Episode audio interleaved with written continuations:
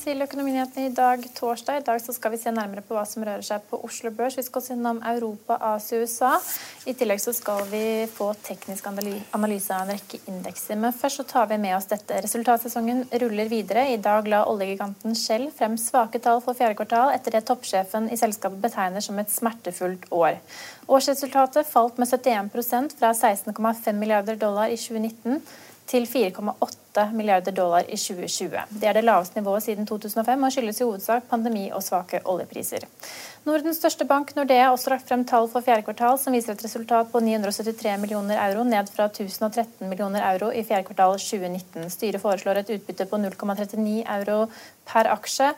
Og vi tar også med oss at Bank of England uttaler at den britiske økonomien går mot en rask innhenting i lys av den offensive vaksineinnsatsen i landet. Sentralbanken la også frem prognoser som viste en vekst på 5% i 2021. Pundet styrket seg etter uttalelsen.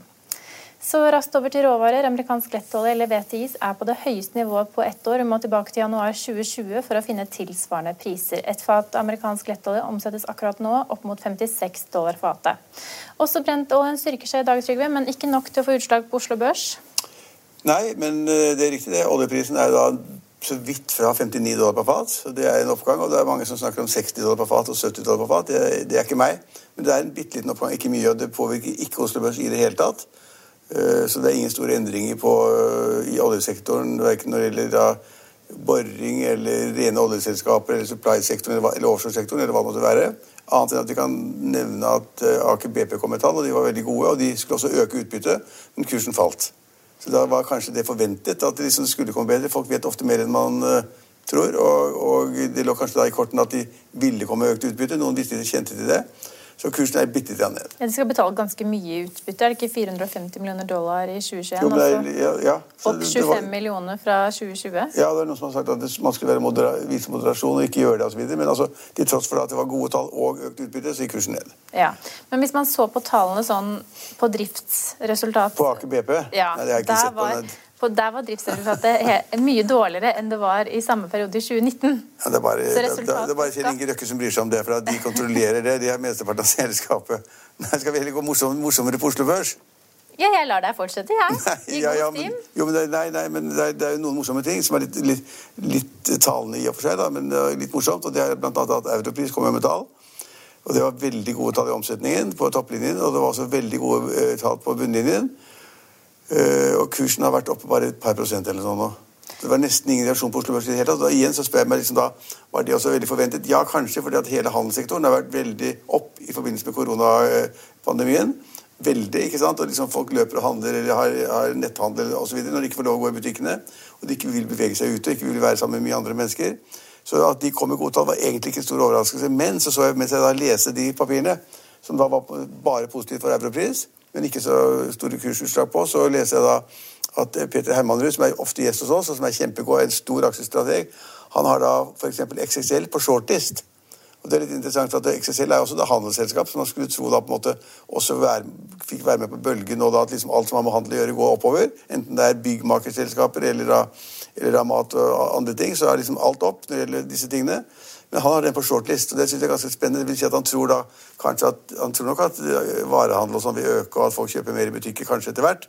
Og kanskje kjøper mer på nettet, men han tror da tydeligvis da åpenbart at, eh, at eh, XL som selskap og da med utenlandsinvesteringer og butikker og sånn ikke er særlig å satse på, for han tror at aksjen skal ned. Men han tror også at, eh, at Storbrann skal ned, og, og, at DNB skal ned. Så han er ganske skeptisk til noen selskaper. Og, og blant retail-aksjene så er det vel XXL som har, er høyest forbundet med risiko, hvis sammenlignet med f.eks. Kid og Europris, som du nevner, da. Ja, og altså, Kid er litt ned faktisk i dag, men, men, men Kid er også et handelsselskap som man skulle tro kanskje ville vært med på den der bølgen. Men Den har gått veldig mye før, og, og, de gjør det bra. Men så fikk de da en smell under koronatiden hvor liksom, de måtte stenge alle butikkene. Så hva de da slått ut i regnskapene i omsetning og resultat, det vet vi ikke ennå. For De sa det helt åpent, vi må stenge alt. Det går ikke an å drive i Norge hvis, da, liksom, hvis, hvis, det er som det er nå. Så de stengte ned. Og de har vel ikke åpnet igjen. Det kan jeg ikke tenke meg. Det er ikke lov til heller. Så, så, så, så summen av det er at noe innen retail, handel og varehandel går veldig bra.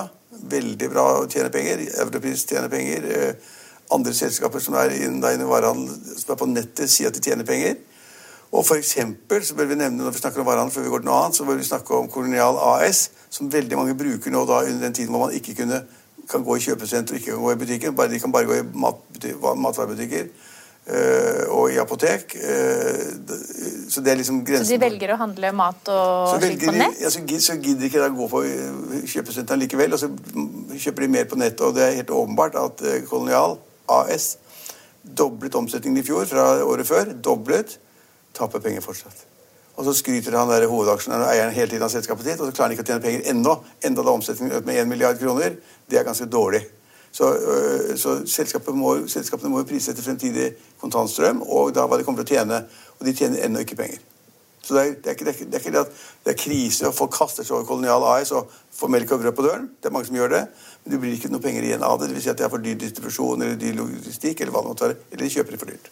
Og når vi snakker om resultattall, så la jo også Nordic Semiconductor frem eh, tall i dag. Ja, det var kjempegode tall. Omsetningen ble 127,1 millioner dollar i fjerde kvartal. To millioner dollar bedre enn det selskapet selv hadde indikert på forhånd. Ja, akkurat Det siste synes jeg er litt sånn småtteri, men, men de kommer veldig gode tall. Både på omsetninger og resultatet. Og det er jo da en av favorittaksjene til Henriette Tronsen, som vi er litt fan av, for den er på våre seminarer alltid god og kommer gode prognoser.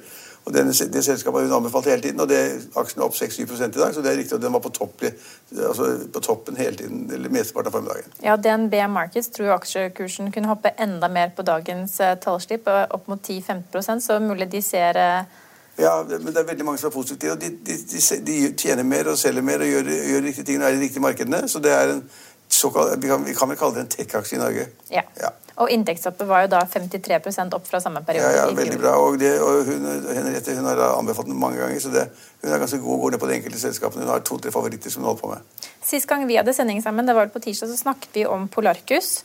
Som omtrent nulles ut, om ikke er i vei til å nulles ut. men selskapet er i opp, altså, nulles ut er helt riktig. Det er selskapet er i oppløsning, fordi at de som har lånt selskapet penger, de vil ikke låne dem mer penger. Og de har forhandlet om å få utsatt gjeldsbetaling og utsatt renter og alt mulig rart. De får ikke lov. Så bankene har sagt no more. Og de har sagt at alle ansatte må sies opp, og alle skipene de har, må selges. Og salget er allerede i gang, men eh, PGS kan fortelle at de tror at eh, på kort sikt så vil skipene være ute av drift. Ja, nå er det på en måte en konkurrent, da. Så da PGS er veldig glad for at de slipper da den konkurransen fra de skivene. Men det kan ikke, vil ikke overraske meg om de skivene som da Polarcus har, om de ha- havner hos andre rederier som da konkurrerer videre med de som er i markedet. Så PGS går jo også dårlig, veldig dårlig. Så det er de Men en liten kuriosa sånn- var vel at PGS var blitt håper kanskje, håper kanskje på at Polarcus Ja. går over ende, og så tjener de på det. Og så var det vel en sak også på finansvisen.no for de som er interessert i det, at PGS var blitt kontaktet av Polarcus kunder, da. Som på en måte kanskje ikke Jo, det kan jeg forstå hvis du er kunde hos Polarcus og de blir Ja. borte. Så hva, hva gjør vi nå liksom, hvis vi skal ha seismikk fra Lofoten eller eh, Barentshavet eller hvor det måtte være? Og det, de, de, det er ikke så veldig mange som kjøper seismikk lenger. Det er derfor det går så dårlig. Alle, det er seks selskaper. Alle går dårlig. Eh, men hvis man da skal ha det, så vil man da selvfølgelig da, hvor skal jeg gå nå? Da går jeg kanskje til PGS eller et annet selskap. Så kom Norwegian med skuffende trafikktall. Det var jo ikke til overraskelse for noen, men aksjen eh, falt eh, på nyheten og er fortsatt ned rundt 2% akkurat nå. Ja, altså Kursen ligger rundt 60 kroner, eller sånt, men altså, altså overrasket eller skuffet, det er jo komisk. Altså, Alle vet at det ikke går fly. Alle vet at alle flyselskaper verden over altså, da mener jeg verden over, Hvis man ser på da kursutviklingen for flyselskaper i USA, så er det helt katastrofe. For markedene er større, og det er flere fly som står osv. Men det er jo ingen som kan tro lenger nå at, fly, at flyaksjene vil gå opp, eller at flyselskapene har stor trafikk. Den er ned 90 den. Grovt 90-85% i alle selskaper verden over. For, alle, ingen, for det første får de ikke lov å fly. For det andre så er det ingen som vil fly. Og så har de hatt så vanvittig mye eh, fly før at, eh, at liksom, de, de kan ikke røre på seg. Og selv Ryanair, med en tøff eier, tøffe styrer, veldig aggressiv politikk selv de taper 3 milliarder, nå må jeg korrigere meg kanskje, men de taper 3 milliarder kroner i kvartalet. Det er liksom 10-12 milliarder kroner i året hvis det fortsetter. Så det er ingen som gjør det bra i, i luftfarten, og alle flyselskapene gjør det dårlig. Så alle for, burde ha forventet at Norwegian ville komme med lave trafikktall, og at det går elendig. Ja. Og, at, og kan du si at, at kursen bare er ned to kroner, eller, til, eller fra 62 til 60 kroner. Det er egentlig merkelig, for den kursen skal jo ned som jeg har sagt 7-8 kroner. Så det er en vei å gå. Så det er altså da mayday, mayday, mayday for alle aksjonærene. De skulle bare styrtet av gårde og tatt eh, nærmeste, eh, nærmeste fallskjerm og, og reddet seg ut. Men mange henger ved Norwegian fremdeles. Og hvis det da ikke kommer helt nye endringer, altså pakken som de, den, den overlevelsespakken da med staten som skal bidra med halvannen milliard kroner i et, sånt, et, et hybridlån Hvis det ikke blir helt endringer i den pakken, så tar hele markedet feil. Ja.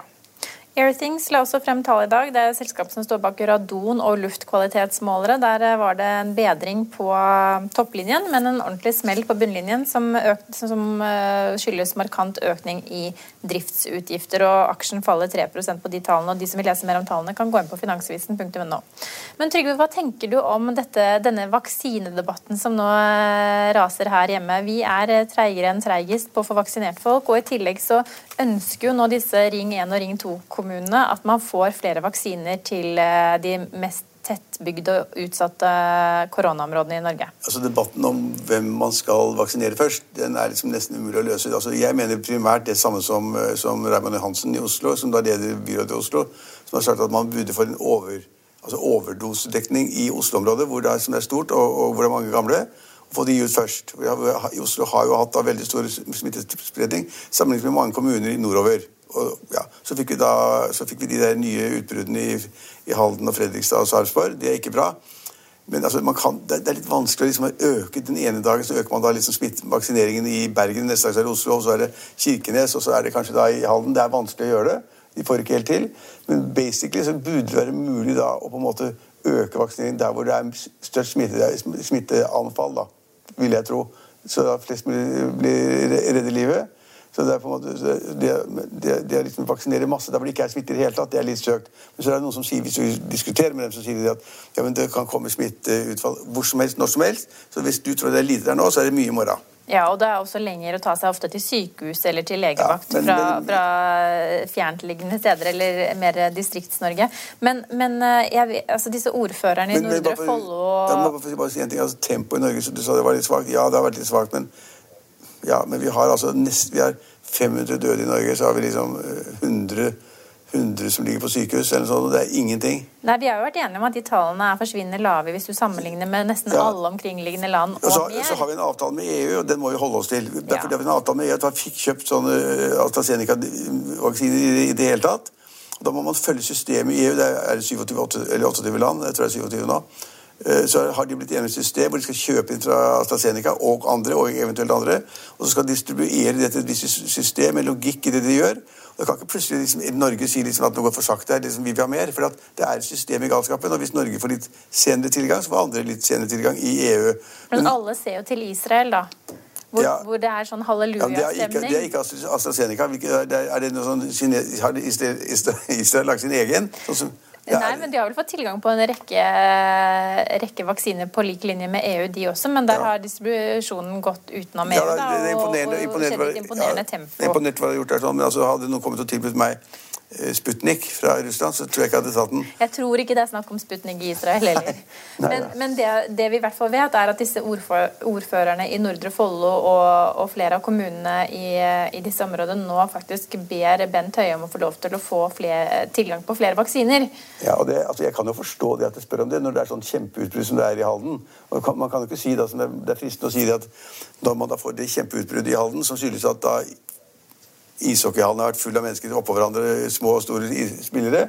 Kjempeutbrudd i en sånn idrettshall.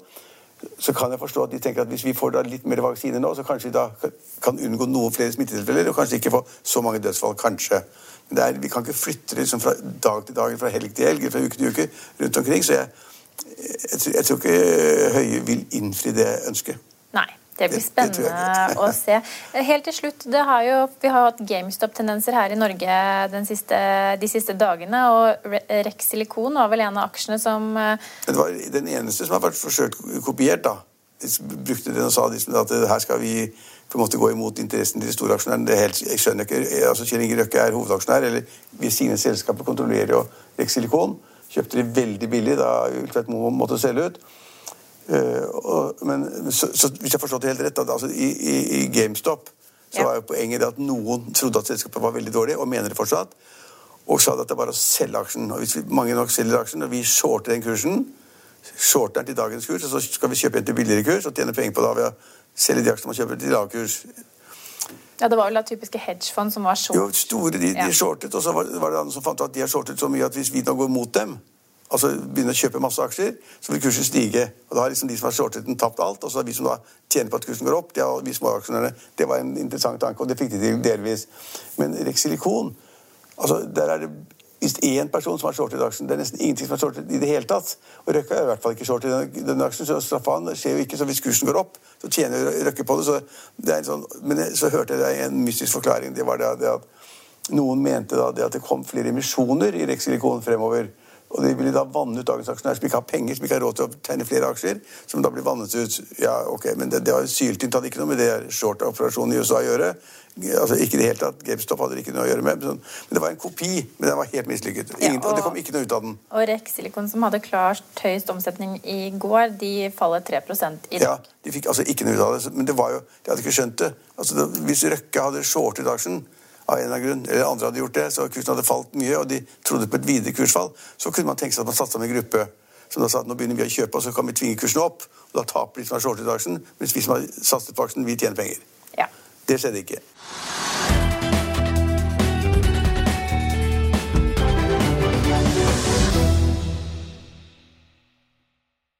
Økonominyhetene er en podkast fra Finansavisen. Programledere er Marius Lorentzen, Stein Ove Haugen og Benedikte Storm Bamvik. Produsenter er Lars Brenden Skram og Bashar Johar. Og ansvarlig redaktør er Trygve Hegnar.